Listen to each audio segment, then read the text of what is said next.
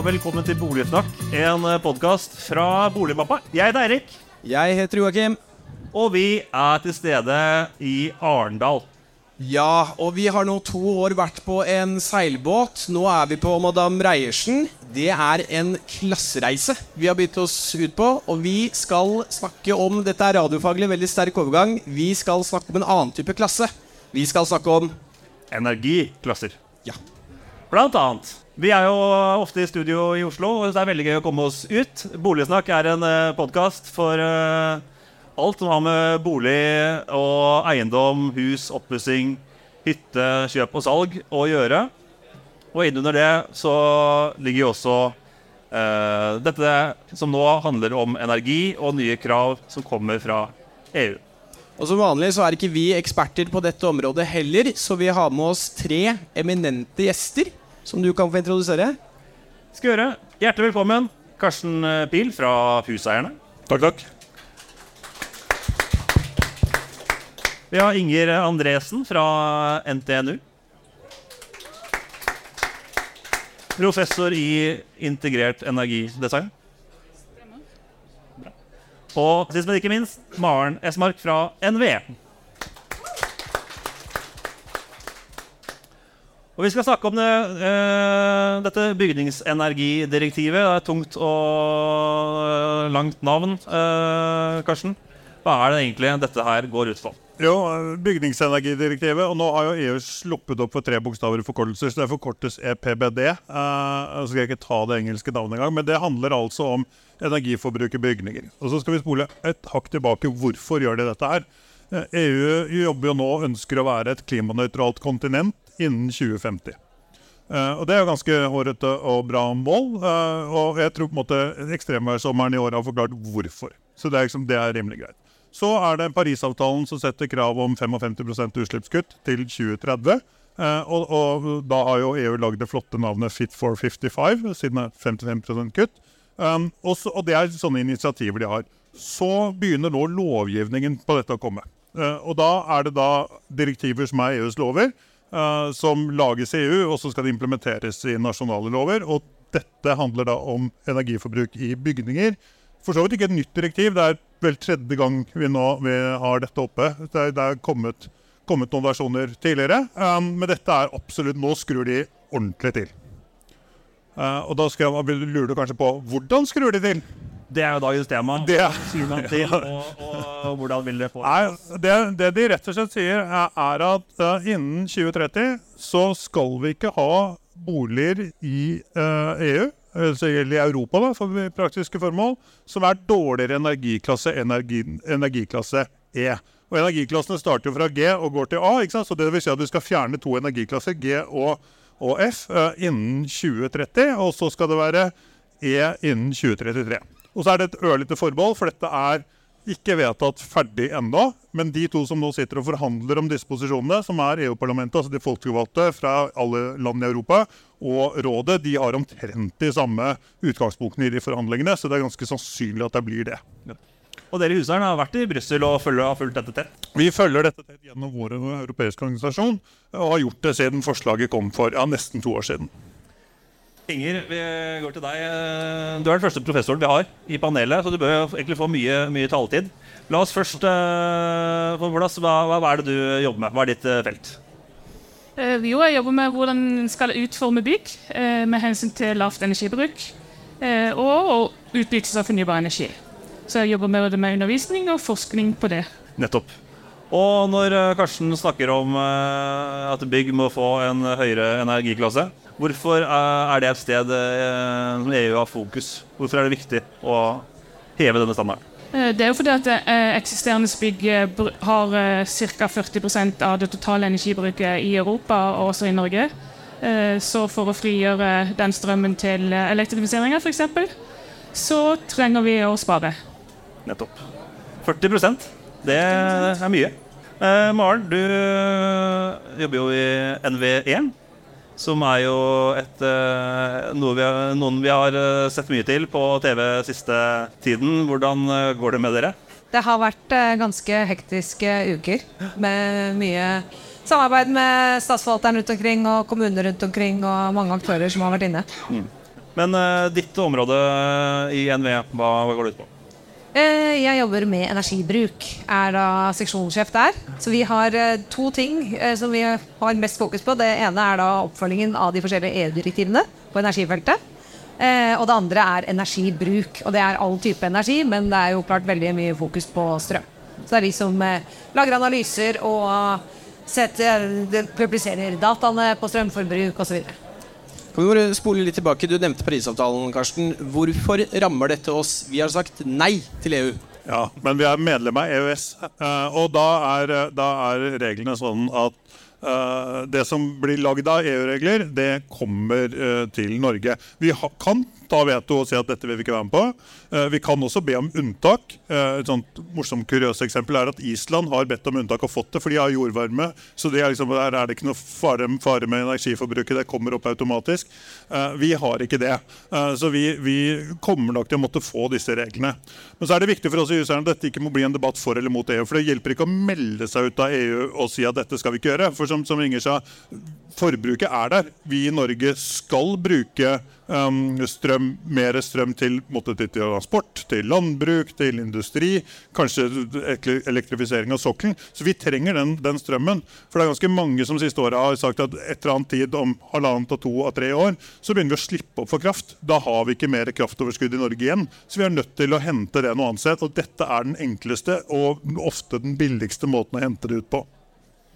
Ja, for det er kanskje billigere å bytte litt vinduer og etterisolere fremfor å bygge offshore vindkraft og Ja, det er, er billigere, og du slipper også at måtte, folk legger seg i sånn lenkegjeng utenfor huset ditt fordi du skal bytte vinduer. Sånn, fordi du tenkte å bygge ut en stor ås eller noe sånt.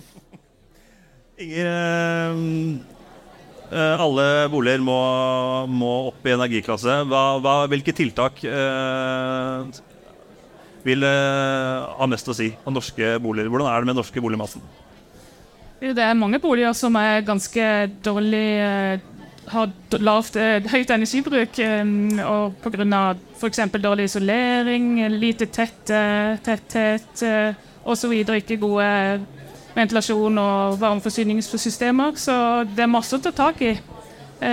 Vi pleier å anbefale å begynne med de, de, det vi kaller passive tiltak, som er varmeisolasjon, tetting og skifting av vinduer. For de er langlevende og vil også redusere energibruken i lang tid fremover. Hvor mange, hvor mange boliger eh, kan dette dreie seg om som må heve seg? Um, det vet jeg ikke helt, faktisk. Kanskje kanskje noe Ja, altså, dette har man jo prøvd å regne på. Problemet er at vi, vi vet ikke helt. Men det, problemstillingen er også at EU har tenkt kanskje Kanskje at vi skal reklassifisere energiklassene litt. Og sier at de 15% dårligste skal være G. og Da kan vi begynne å regne. Eh, I Norge så vil det tilsvare 210 000 eneboliger og tomånedsboliger. Eh. Hvis dette blir lineært, så vil det da være 400 000 hvis det er to klasser vi skal ta bort. Som hver må ut med et eller annet sted mellom en halv og halvannen million kroner for å energieffektivisere den boligen sin. Med å gjøre det som Inger sa at du skal gjøre. Så det, det er store penger og, og mye, og, og ikke minst det trengs veldig mye håndverkere. Ikke sant? Så vi er nødt til å få gjort dette. Vi, må, vi er nødt til å starte snart. Skal vi komme i mål. Kanskje rydde litt i mm, hvor mye dette haster, og når dette kommer, og hvilke effekter det får. Eh, Norge holder nå på å implementere bygningsenergidirektivet som ble vedtatt i 2010 i EU. Eh, og dette direktivet vi snakker om nå, det er jo ikke engang ferdig vedtatt i EU. Så det kommer nok Jeg vil tro at denne implementeringen i Norge kommer til å ta noen år frem i tid. Og så er det jo direktivet laget slik Det er, det er ganske ny måte å tenke, eh, tenke krav på. Dette her om at eh, boligmassen skal løftes og bli bedre. Og det er jo laget i utgangspunktet eh, for folk, dette her. Eh, sånn at folk skal få en god bolig å bo i og kunne redusere energikostnadene sine. Eh, og at EU totalt skal spare energi. Eh, når dette kommer, så vil det være opp til landene å lage en plan for implementering. Og der vil det være mange justeringer, og landene står fritt til på en måte å finne sin vei til dette her. Så det vil ikke være slik at 210 000 norske huseiere om et år må ut med halvannen million for å oppgradere boligen sin. Men det vil komme ordninger for hvordan dette skal implementeres, som sannsynligvis vil være et krav som ligger noen år frem i tid. Så vil det sannsynligvis komme noen støtteordninger for å hjelpe deg. Og så vil det sannsynligvis komme masse god informasjon og kompetanse ut enten gjennom kommunene, gjennom staten eh, og gjennom alle aktørene i finansbransjen, i takstbransjen osv. Jo, men her illustrerer Maren noe av problemet. For den 2030-datoen, det har det egentlig hard deadline. Det er muligheter, og de, de driver jo og argumenterer for, for, muligheter for å forflytte noe av det. Men 2030 har deadline. Problemet er at vår implementeringsprosess er veldig lang. Dvs. Si at vi i 27 kan vedta hva som skal starte fra 30. EØS, eller EFTA-domstolen har allerede vært bekymret for Norges hastighet. Eller de var egentlig bekymret for EØS, men det er ikke Liechtenstein og, Island de er så bekymra for, eh, for. For hastigheten for implementeringen av disse direktivene. Eh, så Når vi nå hører at nei, men det, det, kommer sannsynligvis noen støtteordninger, det kommer sannsynligvis noen implementering, så tar det veldig lang tid. da. Og I mellomtiden så er det jo folk som må gjøre noe med boligene sine. ikke sant? Det er ganske mange nå som har fått hans inn i kjelleren. som tenker jeg, vet hva, Nå skal jeg i hvert fall gjøre noe med dreneringen for å begynne der. Som da bør etterisolere eh, kjelleren, f.eks når de først er i gang med å grave rundt den kjelleren. Og, og, da er det jo greit å vite om de kunne fått støtte til det eller ikke. Så vi etterlyser liksom Kan vi få farten på liksom å bli, ta dette initiativet? Det er det ene. Det andre er at Norge er vel det landet i Europa som har råd til å gjennomføre dette med gode støtteordninger. Så Norge burde gå til front og ikke ligge til ettertid og sagt nei, vi venter på et direktiv. Det hadde ikke vært noe vanskelig å si vet du hva, vi er avhengig av å få den kraften. Vi ønsker å få dette på plass. og Vi kunne fått til noen støtteordninger på en god måte. Mm. Men er, er, dette så relevant uh, altså Når EU sitter og, og, jobber med dette, er det land som Norge da har i, i bakhodet, eller er det uh, land med en dårligere boligstandard? For Vi får jo høre til stadig at den norske boligmassen er veldig god. Vi har bygget godt, selv om det kanskje var mindre krav til isolasjon for 30 år siden. Altså, en av grunnene til at EU eh, e har stort fokus på boligmassen, det er jo fordi store deler av boligmassen i EU varmes opp med gass som er fossilt, så det er mye som skal fases ut. Og da skal man samtidig eh, spare eh, sånn at eh, energibruken blir mindre og blir fornybar. Eh, så nei, det er ikke den norske boligmassen som er eh, først i pannebrasken når EU lager dette direktivet. Men det er veldig mange kloke grep i direktivet som jeg tror at eh, norsk forvaltning vil ha bruk for. Og vi merker jo en veldig stor interesse, kanskje særlig fra finansnæringa, opp mot det arbeidet som nå gjøres. Da. Vi holder på å lage ny eh, ordning for energimerkeordning for bygg. Det er vi som har ansvaret for den forvaltninga og for tilsynet på energimerking på bygg. Eh, så nå har vi akkurat sendt over forslag til departementet til den eh, nye ordningen. Så vi merker en veldig stor interesse fra mange aktører. Eh, det er nok sikkert som du sier at det er klokt å være litt i forkant og ikke sitte og vente helt til siste mulighet. Ja, kommentar først. Ja, nei, for det, som, Når Maren nevner finansnæringen, så er det et veldig viktig punkt. fordi finansnæringen har allerede regler uh, om rapportering av, av grønn portefølje. Uh, og har jo de fleste banker i Norge har satt et, et krav om at, at, de ønsker å ha grønn portefølje. Altså måtte bare grønne boliger i gåsøgne, uh, inne i sin portefølje 2040 eller 2050. At de har bare lånt ut til det. og det er klart, det innebærer, Og så har finansnæringen noen andre krav, så da er det A og B vi snakker om. Eh, men det innebærer jo at du på et eller annet tidspunkt også blir møtt av banken din med å si at vet du hva, nå vil vi ikke gi deg lån, eller du får mindre lån, og du må oppgradere. Og de reglene er vedtatt, og de reglene er satt i kraft. Så det er liksom, de er også en sånn, sånn ekstradimensjon her da, som gjør at det hadde vært nyttig at vi hadde hatt de støtteordningene på plass. Inger? Uh, ja, uh, som jeg sa innledningsvis, så er jo energibruken i boligmassen ca. 40% av totalen, og det er ca. 80 TWh i strøm. Og nå står vi jo foran en stor utfordring med å få mer strøm til elektrifisering. sånn at eh, vi må jo gjøre dette i alle tilfeller for at vi skal få til den elektrifiseringa på en mest mulig kostnadseffektiv måte. Og vi har gjort en studie i det forskningssenteret som er med, som viser eh, at vi kan greie cirka, å redusere ca. halvparten av disse 80 TWh innen 2040. Innen 2050, unnskyld. Eh, men da trengs det Det går ikke av seg sjøl, og det trengs mye tiltak. Bl.a. støtteordninger, eh, som er kanskje det viktigste tiltaket. For det skjer ikke av seg sjøl, det ser vi. Ikke sant. Oi, der ble den. Støtteordninger det regner vi vel med, med, kommer. Men du var inne på det, Karsten. Hvem skal utføre disse arbeidene? For Hvis det kommer 200 000 boliger som skal eh, etterisoleres, og det skal skiftes vinduer i 2029, så er det vel ikke bare å hente denne arbeidskraften fra andre land heller, i og med at dette gjelder hele EU? Har vi, Det rapporteres om mangel på håndverkere. Er vi eh, kapable nok til å håndtere det som kommer? Nei, ikke per i dag. Vi har ikke nok folk. Og de som måtte har jobbet med dette, skal jo altså Hvis du tenker at vi har hatt polske håndverkere, de får jo like mye jobb i Polen. De er jo EU-land, så de tar dette med en gang. Uh, en eller annen gang skal vi forhåpentligvis bygge opp Ukraina igjen. Kommer til å ta masse krefter og håndverkere, det også. Uh, så, så, det vil være en utfordring, som er nok et eksempel på hvorfor vi bør komme ganske fort i gang med å få, liksom, få på plass dette er det vi skal, dette er de støtteordningene vi har å tilby, for å kunne utnytte denne farten fremover. Og det er ikke sånn at vi prøver å kjempe gjennom det direktivet for, på, på, på, no, på, noen måte, men vi har jobbet ganske mye med, med vår organisasjon for å si ok, hva ønsker vi å få på plass hvis dette direktivet kommer, for å få en god fremdriftsplan for de, nei, for de boligeierne som er ute. Og Vi er veldig bekymra for småhuseierne, for de er nødt til å ta dette på egen kappe. I et næringsbygg så vil det alltid være noen som kan ta dette ellers. I et borettslag og sameie så vil det stort sett være sånn at du kan låne opp på sameie. Det er en enklere jobb å gjøre. Boligeiere, småhuseiere, må ta dette på egen kappe og ta dette i forbindelse med oppussing. Hvis det da er et eller annet sted mellom en halv og halvannen million kroner, så er det ganske mye ekstra. Ikke minst hvis du bor et sted hvor boligmarkedet kanskje ikke er helt på topp. Ja, det er et problem mange steder i distriktene at uh, bygger man et hus til fem millioner, så er det verdt 3,5 når du uh, putter nøkkelen for første gangen. Og klart at Skal du legge inn en million til på det huset, så er det et ganske dårlig regnestykke. Hvis du har bygd i dag, så holder det ganske lenge. da. Men det problemet er de gamle husene. det er klart De gjenreiste husene i Troms og Finnmark, de er, de, der er det ikke så mye isolasjon i veggene. Det er jo ikke sikkert at det vil koste så mye som en million i alle tilfeller, i alle tilfeller men det vil koste en del. Og det finnes også mange huseiere som ikke har råd til dette. Eh, det finnes noen som har råd til det, men det finnes også noen som ikke har råd til det, for de har rett og slett ikke kapitalen så da mener vi at det må inn med støtteordninger. Vi er redd for en som kollega som sitter her, i publikum er redd for at må, vi må inn med en støtte på ca. 30 eh, av investeringer. Pluss at må resten må dekkes av grønne lån eller gunstige lån. da, eh, for de som, I hvert fall for de som eh, ikke kan komme opp med den kapitalen. Som ikke rett og slett ikke har mulighet til det. Ja, nei, og det, det, stemmer godt med våre tall. Og det vi konkret har foreslått, er jo for det første momsfritak på, på isolasjon dører og vinduer. For det er vi nødt til å ha. Det er en veldig enkel løsning. Det er ikke noe lekkasje noe sted.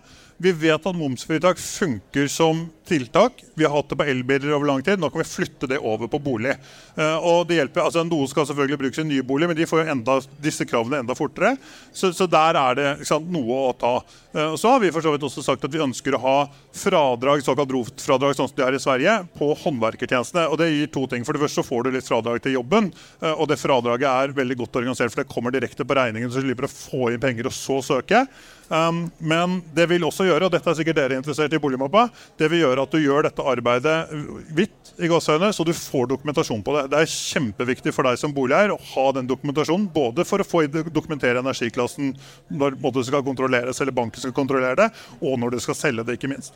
Så, så, det er to tiltak. Ikke minst også støtteordninger. Eh, energifattigdom er en kjempeutfordring som må løses.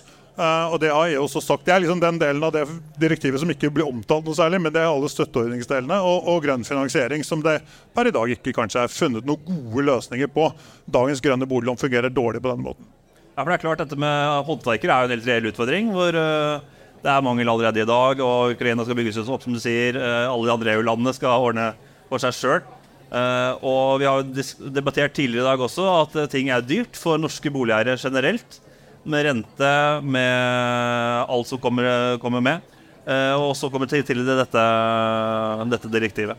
Så det, det kan sikkert fort være fristende for noen å ta snarveier. Så klart Med sånn type fradrag så kunne man jo sikkert uh, unngått uh, en del av det. da. La oss snakke litt om helt konkret. Hvis du bor i et uh, gammelt hus, 50 år gammelt hus f.eks. Ehm, hvilke, hvilke, tiltak er det som man må forberede seg på? Vi har snakka om mynder og isolasjon, men hva er, liksom, hva er smørbrødlista, og hvor, eh, hvor, eh, må man eh, starte? Eh, start på den delen av huset som har dårligst vegg og dårligst vinduer, og skift det. Mm. Og ta ett vindu og én vegg om gangen etter hva du har råd til. Det er der de store besparelsene kommer. Hvis du skal starte aller først, så tetningslister. Tetningslister. Tetningslister. Det er billig. Dører rundt vinduer. Det er billig, eh, og det gjør en stor forskjell. Og så er det jo mye du kan gjøre på hva si for noe, eh, oppførsel. Altså Du kan jo ta og redusere, senke nattetemperaturen senke temperaturen, du kan bruke mindre varmt vann. Det er veldig mange ting du kan gjøre sånn for å spare strøm.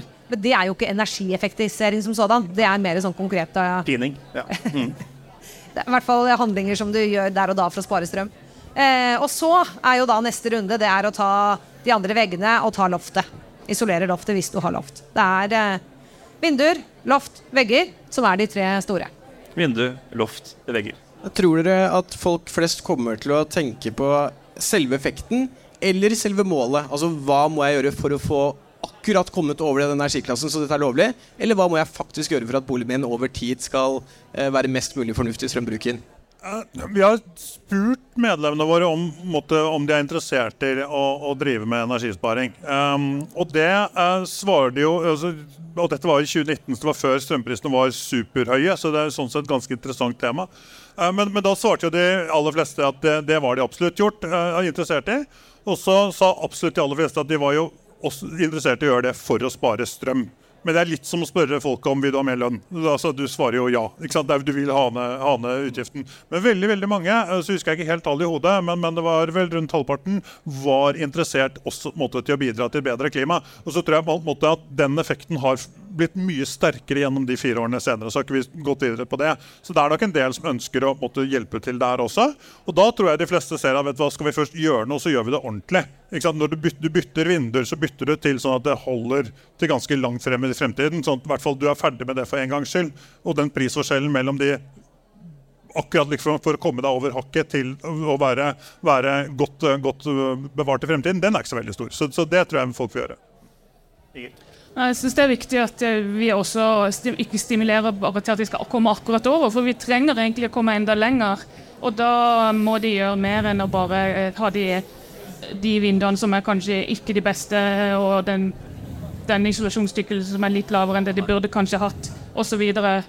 Uh, og de burde kanskje, Noen kunne også ha installert solceller, varmepumper osv. Spesielt i borettslag og sameier, der, der, det gir virkelig mening mange, i mange tilfeller. Så vi må, vi må, tenke litt mer helhetlig, og det må være en på plan på plass fra politikernes side som, som uh, legger til rette for at vi kan gjøre det skikkelig, ikke bare klatting. Ja, for det er jo kjempeviktig. fordi det, det, det, er jo ikke et stopp i 2033, og så er det 2050 er neste. Det kommer til, og det har jo EU allerede sagt, at vi, liksom, vi skal reforhandle allerede i 27. Uh, så de kommer jo til å si at vi skal uh, ha en eller annen stoppested 2035, kanskje 2037, 2040, hva, hva vet jeg. Uh, det jeg tror vi kan være ganske sikre på at den kommer til å trekke seg. Det blir hardere og hardere hver gang vi reforhandler. Det tror jeg vi skal være ganske forberedt på. og da skal vi ende opp på nær nullutslipp nullutslipp, som de sier, og så skal de redefinere energiklasse til alltid nær nullutslipp. Og så er det en kjempediskusjon. Kan vi f.eks. når vi tilfølger ren vannkraft, er vi mer der? Den tror jeg ikke vi skal ta her. I, i, i vår organisasjon i Europa så er det svenskene som drar den, for å si det sånn. Men vil ikke, eh, vil ikke, dette bare være med på å øke klasseskillet i Norge? For jeg må regne at Det er jo ingen som frivillig bor i en bolig hvor varmen bare siger ut i moder jord hver eneste, hvert eneste sekund og hvert eneste minutt. Så de som er privilegerte og bor i nye boliger og har råd til det, de vil pusse opp, og de har nye vinduer og de har etterisolert. Og de mindre bemidlede de vil jo få denne her eh, rett i, ut av lommeboka. Hva er, hva er tanken bak uh, å løse dette? Utenom støtteordninger, selvfølgelig, men det vil jo komme en kostnad. Det er jo det fokuset EU i veldig stor grad har. Det er jo nettopp på at dette er ikke eh, et, et, et, krav eh, for den rikeste delen av befolkningen. Dette er en måte å løfte de fattige inn i bedre boliger. Eh, så dette er jo egentlig fattigdomspolitikk og energipolitikk og klimapolitikk sammen, sånn som det er tenkt i utgangspunktet for EU. Men så er det jo litt opp til landene da, hvordan de implementerer dette. Eh, og i Norge så har vi jo allerede Husbanken, egne lån for kommunale leiligheter. Sånn at du har muligheten til å oppgradere der. Eh, og strømstøtten er også i veldig mange land altså for noe rettet inn også med en mulighet for å gjøre små oppgraderinger, sånn at du kan spare. Men jeg skal bare slå et slag for uh, kartlegging. For dette med å vite hva er det jeg skal gjøre i min bolig, mm. eh, det er et veldig viktig del av det. Og bare det å kartlegge gjør jo at du får mer kunnskap, og betyr også i mange tilfeller at du reduserer strømforbruket ditt bare fordi du vet, vet ting. Eh, så jeg vet at det er mange kommuner som har støtte til energikartlegging av boligen din, og da får du også råd. Og etter hvert som energimarkeordningen kommer mer på plass, så vil det også være slik at når du skal ha en takst på boligen din, så får du ikke bare vite hva slags energimerke det er, og det står litt informasjon om dem. Det skal også stå at eh, dersom slik og slik gjøres, eh, så vil eh, boligen være mer energieffektiv. Eh, og det, et, et estimat på hva det vil koste, skal også stå, faktisk. Så det, det vil komme veldig mye mer informasjon etter hvert ut der. Mm. Jeg har et spørsmål når det kommer til å uh, ettergå dette. Uh, hvordan har man tenkt å regulere det? Har man begynt å snakke om det? Skal du ha et politi som reiser rundt og hiver folk ut og tvangsoppusser boliger? Eller hvordan, hvordan skal du løse dette? Ja, det er et veldig godt spørsmål. Uh, jeg tror veldig mye blir gjort akkurat som Maren sier, i salgsøyeblikket. Når bolig selges, hvor da det inn en, da lages en tilstandsrapport uansett. Og det er klart Hvis du selger da en bolig altså du er langt på overtid over de reglene og du har ikke fulgt opp, så vil du få en utfordring. Du vil få en utfordring på to sider. Du vil sannsynligvis få lavere salgspris fordi den som skal kjøpe boligen, kommer til å få veldig dårligere lånbetingelser. Så det, det, vil være litt sånn selvregulerende, men da er vi litt tilbake til ditt forrige spørsmål, Joakim, nemlig hva da med de som ikke har hatt råd? ikke sant? Og, og, og det er støtteordninger som er EUs måte, store insentiv der. På, på, på, veldig store områder hvordan det kan løses. Og så tenker Vi da at vet du hva, vi kan jo også bruke momsfradrag. Det rammer bredt og fint og alt. Fordelen med momsfradrag er også det er ikke noe søknadsprosess. Vi trenger ikke å sende inn noen søknader. Slipper å sitte igjen og behandle liksom 2,6 millioner søknader et eller annet sted. Det er, liksom, det er bare ferdig og, og, gjort. For det vil jo potensielt skape et uh, ekte A- og B-lag av uh, bruktbolig. Uh, vi fikk jo den oppdaterte avhendingsloven i fjor, som handler om at har man ikke god dokumentasjon kan bekrefte hvem som har gjort hva av arbeid, så kan det redusere prisen. Nå kommer dette i tillegg. Det begynner å bli mye byråkrati å forholde seg til for norske boligeiere, eller Karsten? Ja, det blir i hvert fall noe mer papirer. Så har vi en heldig situasjon nå hvor flere og flere bygningssakkyndige, altså det vi ofte snakker om som takstmenn, de tar sånn, blir energirådgivere, så de kan ta alt i en sleng når de er innom. Så du slipper å ha sånn dobbelt sett med folk som reiser inn til deg når du skal selge. Det tar jo prisen igjen. Vi har vært veldig opptatt av at vi må kunne lage gjennomgangsordninger av boligen som er billige nok. EU har lagt opp til noe sånn nei, det skal kontrolleres, du skal ha en ny gjennomgang hvert femte år. Det tror vi er bare helt hinsides. Altså, det er sånn, da bruker vi bare penger på kontroll og ikke på å gjøre. og Det er, er klønete. I Norge har vi veldig godt sånn boligdatasystem, så hvis vi klarer å utnytte det på en god måte Sikkert uh, musikk i deres ører. Uh, så, så, tenker jeg hvis vi klarer å utnytte det på en god måte, så, så, så vil det være da enklere å få dokumentert underveis. Så kan du bare si at nei, nå har jeg gjort noe nytt, og så oppdaterer du dokumentasjonen. Men det blir mer å forholde seg til. Det blir mer regler å forholde seg til. Og det gjør jo at det er viktig for oss som står her, både uh, myndighetene, akademia og oss som er interesseorganisasjon, å hjelpe folk på veien. Uh, og det er det også, for så vidt ligger det inne i direktivet hvordan man skal løse det. Med såkalte one stop shops og sånn. Uh, Energimerkeordninga skal jo revideres. og Da er det jo fint om den kan legge opp til at det blir enklere å, å, å måle den energien. For tidligere så har det ikke vært eh, inkludert eller så lett å måle måloppnåelse for, for, den sånn som den er lagt opp. Så det, det, er vel sikkert noe som jobbes med å få til. Maren, vi da nærmer oss slutten av denne seansen. Men på tampen her, vi har jo bak oss et voldsomt uvær som vi ser herjer med, med, med boligen. er Tror, tror dere NVE at disse nye reglene er skapt for å håndtere eh, været neste 50 åra? Det jeg i hvert fall kan si, er at energieffektivisering eh, det gir et veldig viktig bidrag. Eh, fordi det virker inn på kraftbalansen. Og det virker inn i de si, vinterdagene hvor det er kaldest, og hvor flest mulig, hvor liksom strømnettet vårt er mest pressa. Hvis du da har et godt isolert hus, da bidrar du ordentlig godt inn i eh, si, for å holde kraftbalansen og i, eh, i og, altså den grønne omstillinga. Fordi det, det, handler jo til syvende og sist også om å kutte klimautslipp. Kommentar?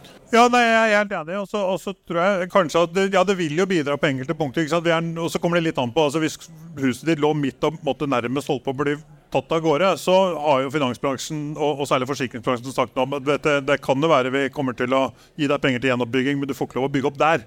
Vi, vi, må finne en annen tomt så du kommer litt høyere, for her kan vi ikke bo. Ikke så den diskusjonen om hvor skal vi bo, og hvor skal vi bo trygt, det kommer til å være viktig. Uh, men da må man, da skal man, det er på hus som, er gjennom, som, som må gjenoppbygges, og, og, da vil man jo bygge på ny standard uansett. Eh, på de boligene man fortløpende tar, så er det viktig at man måtte klare å håndtere disse to tingene samtidig. Så man ikke nettopp har eh, isolert en kjeller, og så det neste som skjer, er at den blir full av vann. Så det å isolere kjelleren og ikke ha tilbakeslagsventil, eksempel, det er kanskje ganske klønete hvis du bor et sted hvor det er problem med at du får vann inn fra, fra avløpet til, til, til kommunen. Fantastisk. Helt til, helt til, slutt, eh, når tror dere at dette her er materialisert, og man vet hva man har å forholde seg til, og hvilke støtteordninger man kan søke på? Det vi vet, er at eh, direktivet skal vedtas i EU i parlamentet sannsynligvis i løpet av høsten. Eh, det vi også vet, er at det kommer en handlingsplan for energieffektivisering fra Olje- og energidepartementet som legges fram i forbindelse med statsbudsjettet. Der vil det Det er i hvert fall det vi har hørt, at der vil det komme eh, forslag til tiltak og eventuelle nye støtteordninger. Så bra. Da tror jeg vi setter strek her fra Madam Reiersen og takker for oss her i Arendalsuka. Takk til eh, Maren Andresen fra NTNU. Eh, nei, Inger Andresen, beklager. Maren Esmark fra NVE. Karsten Biel fra Huseierne. Jeg heter Eirik. Jeg heter Jim. Vi snakkes. Ha det.